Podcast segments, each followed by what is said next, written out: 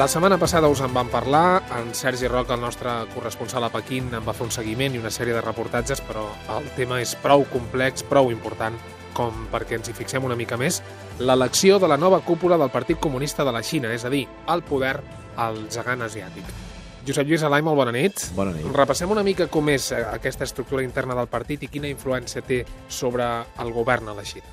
Sí, l'estructura del partit, bàsicament, eh, la veuríem formada la seva part dirigent per un comitè central, que és el que s'ha escollit en aquest 18è congrés, 371 membres, que seria doncs, com l'òrgan màxim de direcció del partit entre congrés i congrés, i a partir d'aquest comitè central, que evidentment doncs, 371 membres són molts per governar el partit, s'escullen eh, dos òrgans que són els que de veritat eh, acaben dirigint el, el partit al llarg d'aquests cinc anys entre Congrés i Congrés.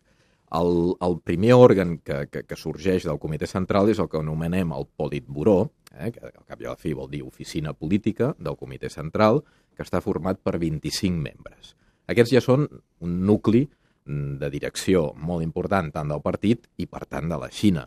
Més aviat recordeu que el partit és qui pren les decisions i el govern, perquè ens entenguem, és qui les gestiona.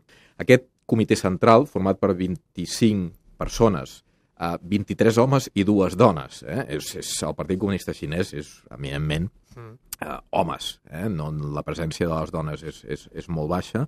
Aquest comitè central es reuneix aparentment un cop al mes, en el qual es prenen les decisions doncs, més transcendents del govern. Però com un cop al mes, com tots podem suposar, i també veient els nostres governs, no seria prou per governar, i menys una superpotència com la Xina, el Politburó escull al mateix temps, en aquest mateix congrés, acaba escollint el que s'anomena el Comitè Permanent del Politburó del Comitè Central, format anteriorment per nou membres i en aquesta ocasió s'ha reduït amb dos, i són set, tots homes, que són els que realment es reuneixen cada setmana i governen el Mm. país.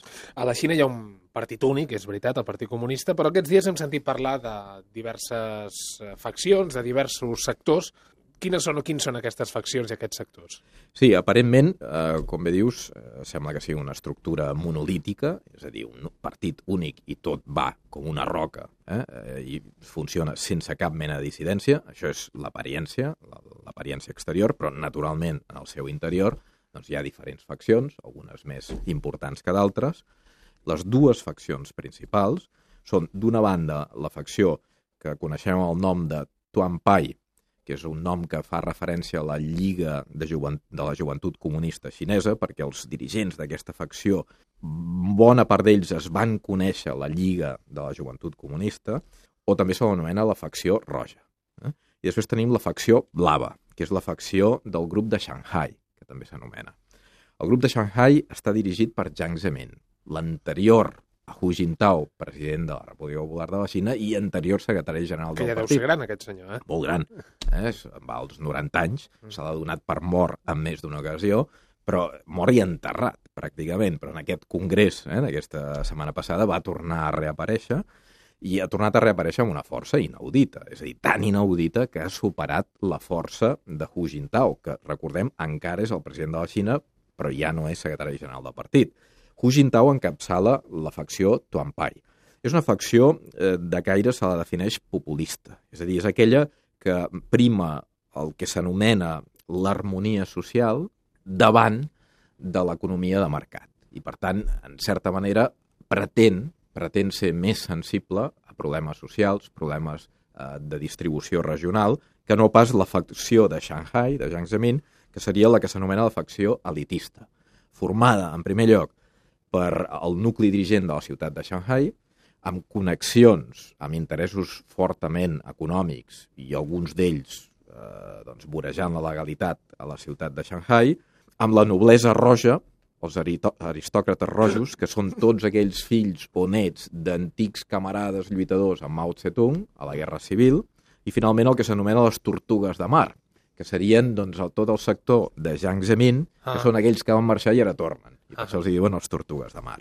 Aquesta facció de Shanghai s'ha distribuït habitualment el poder amb la facció roja. No? Shanghai sempre ha acaparat més càrrecs relacionats amb economia, comerç exterior, relacions internacionals, educació, seguretat, exèrcit, mentre que la, el, el sector roig, el de Tuampai, de Hu Jintao, sempre ha estat més en temes d'organització, propaganda, el Front Unit, que és tota la relació amb tibetans uiurs, eh, legislació, poder provincial i regional, etc etc.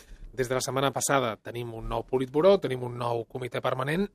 Tots aquests sectors, el sector roig, el sector blau, com, com queden representats? Sí, el, el, pel que hem vist a partir del 18è Congrés, i això és una mica doncs, el factor una mica que no estava absolutament previst, és que s'ha imposat d'una forma molt clara, no tan equilibrada, però d'una forma com, com havia passat fins ara, sinó que s'imposa d'una forma molt clara la facció de Shanghai de Jiang Zemin i perd clarament la facció de Hu Jintao Hu Jintao només aconsegueix col·locar un home i mig, diria, un segur a dins del comitè permanent del Politburó i un altre que és proper a ell però no, que no acaba de ser fidel. Aquest que ell aconsegueix col·locar, segur, de fidelitat segur, és Li Keqiang.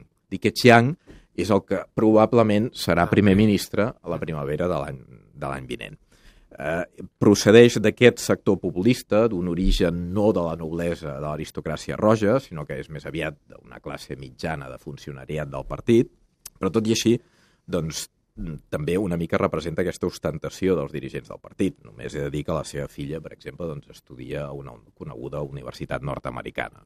Uh, un factor que, que, que, que té en comú amb el cap del secretariat permanent, que és el nou secretari general del Partit Comunista de la Xina, que és Xi Jinping, que té la seva filla estudiant a la Universitat de Harvard. Xi Jinping és un home de Jiang Zemin, en principi, per tant és del grup del grup de Shanghai. És fill d'un lluitador eh, de la revolució, de Mao Tse-tung, que per cert, el seu pare, era conegut i gairebé amb una relació d'amistat amb el Dalai Lama, quan el Dalai Lama encara estava a dins del Tibet. Per això, algunes veus han indicat que podria haver-hi algun canvi respecte al tema del Tibet, però vaja, és purament un aspecte familiar que, que dubto que hi tingui cap influència.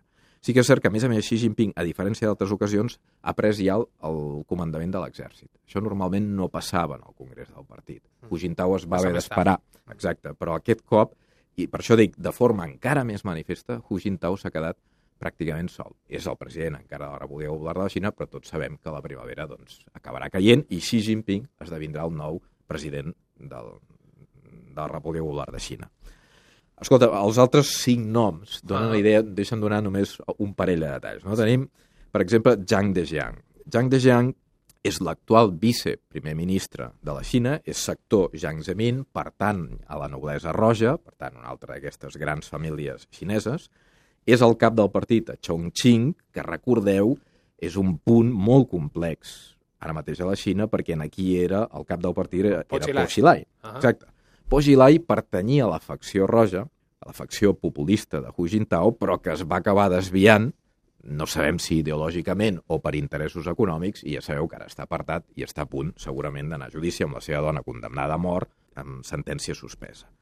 Després tenim Yu Zhengsheng, aquest està casat amb la filla d'un excapità general de l'exèrcit xinès, per tant, forta influència amb l'exèrcit, és l'home fort de Shanghai, punt importantíssim a la Xina, i a més a més, a més a més, el seu pare va ser el primer marit de la Jiang Qing, que va ser aquella famosa actriu xinesa que va ser l'última dona de Mao Zedong, uh -huh. i que va encapçalar la banda dels quatre, aquells que volien tornar a la revolució cultural a la mort de Mao Zedong. Liu Yunshan és un altre dels membres del secretariat permanent. Aquest és el que diuen que és més proper també a Hu Jintao, encara que no queda molt clar. És l'encarregat de la propaganda i, a més a més, eh, perquè ens imaginem també tota aquesta xarxa que hi ha de parentesc i de famílies, està casat amb la filla del que era el cap de seguretat de l'Estat. Uh, tindríem dos més, el Wang Qishan, aquest és l'home de Pequín, aquest va estar en l'organització dels Jocs Olímpics del 2008, va ser alcalde també de la ciutat de Pequín i, a més a més, està casat amb una filla d'algú que ja va ser membre del secretariat permanent del Politburó. I per acabar, el setè és en Zhang Gaudi.